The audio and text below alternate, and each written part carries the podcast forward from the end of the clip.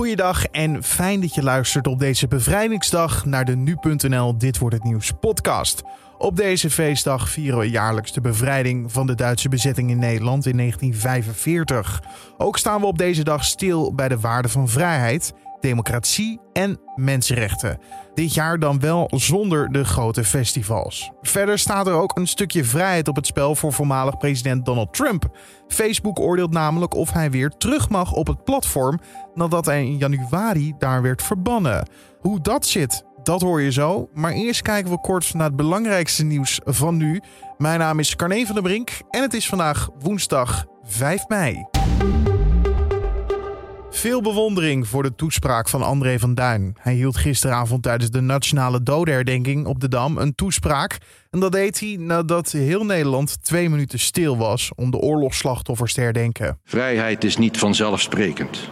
Want het had ook heel anders kunnen aflopen toen.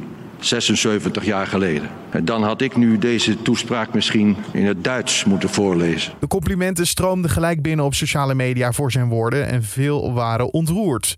Net als ieder jaar legde het koningspaar een krans bij het Nationaal Monument op de Dam. De agent die werd veroordeeld voor de moord op George Floyd wil een nieuwe rechtszaak. Volgens de advocaat van oud-agent Derek Chauvin zijn er grote fouten gemaakt en heeft zijn cliënt geen eerlijk proces gekregen. Zo zegt hij dat de aanklagers getuigen hebben geïntimideerd en de jury zou zijn beïnvloed door de grote media-aandacht die de zaak kreeg. Chauvin werd op 20 april schuldig bevonden aan alle aanklachten. Het is nog niet bekend wanneer de rechtbank beslist of er wel of niet een nieuwe rechtszaak moet komen. Het kabinet wil begin juni een besluit nemen over de invoering van een vaccinatiebewijs. De Tweede Kamer heeft daarna drie weken de tijd om zich hierover te buigen. Dat schrijft zorgminister Hugo de Jonge in een Kamerbrief. Brussel streeft er namelijk naar om na 21 juni zo'n bewijs van kracht te laten worden. Met een vaccinatiebewijs kunnen mensen veilig op vakantie en kan je ook naar evenementen. Als je een akkoord hebt gekregen op je bewijs, hoef je je ook niet meer te laten testen. De eerste finalist van de Champions League is bekend. Want gisteravond namen Manchester City en Paris Saint-Germain het voor de tweede keer tegen elkaar op in de halve finale. Vorige week werd het 2-1 voor City, dus moesten de Fransen zien te winnen. Dat lukte niet, want het werd namelijk 2-0. Daar is de tweede goal. Mares maakt er met een uh, fantastische counter van Citykant 2-0 van. En daarmee lijkt het hier beslist. Neymar weet dat het dit keer geen finale gaat worden. Daardoor is City voor het eerst door naar de finale van het miljoenenbal. Tegen wie ze spelen, dat weten we vanavond. Want dan spelen Chelsea en Real Madrid tegen elkaar in de andere halve finale. Ja, en dan kijken we naar wat er vandaag te gebeuren staat. Naast natuurlijk Bevrijdingsdag staat er iets opmerkelijks te gebeuren in Amerika. Want Facebook beslist vandaag of Donald Trump verbannen blijft van het platform of dat hij toch mag terugkeren. Trump gebruikte veel sociale media om zijn mening bekend te maken bij zijn achterban. Nu hij sinds januari niet meer welkom is bij Facebook, Twitter en YouTube, horen we hem een stuk minder.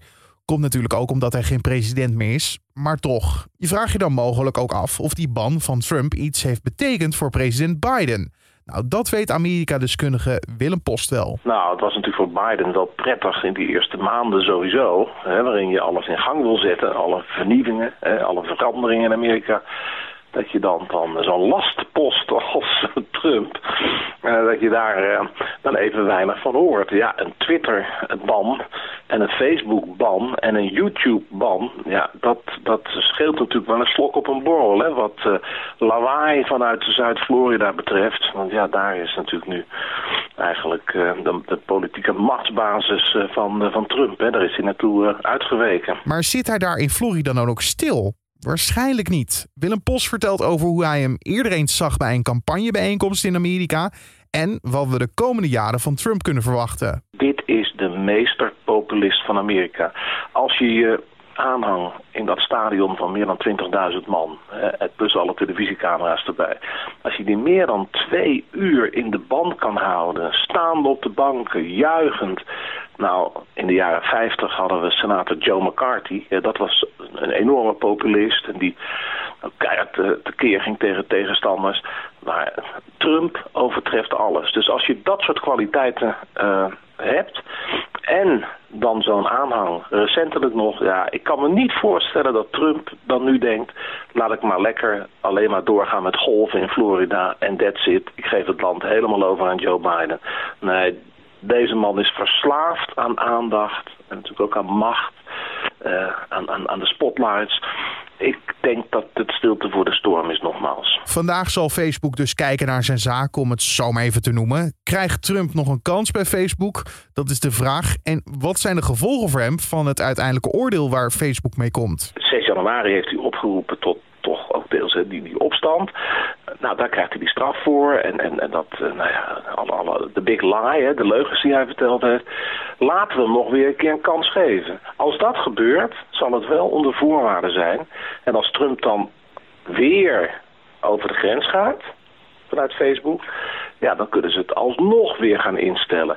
Ja, of deze toezichthoudende raad uh, besluit om uh, het verbod te handhaven. Dat zou wel groot nieuws zijn.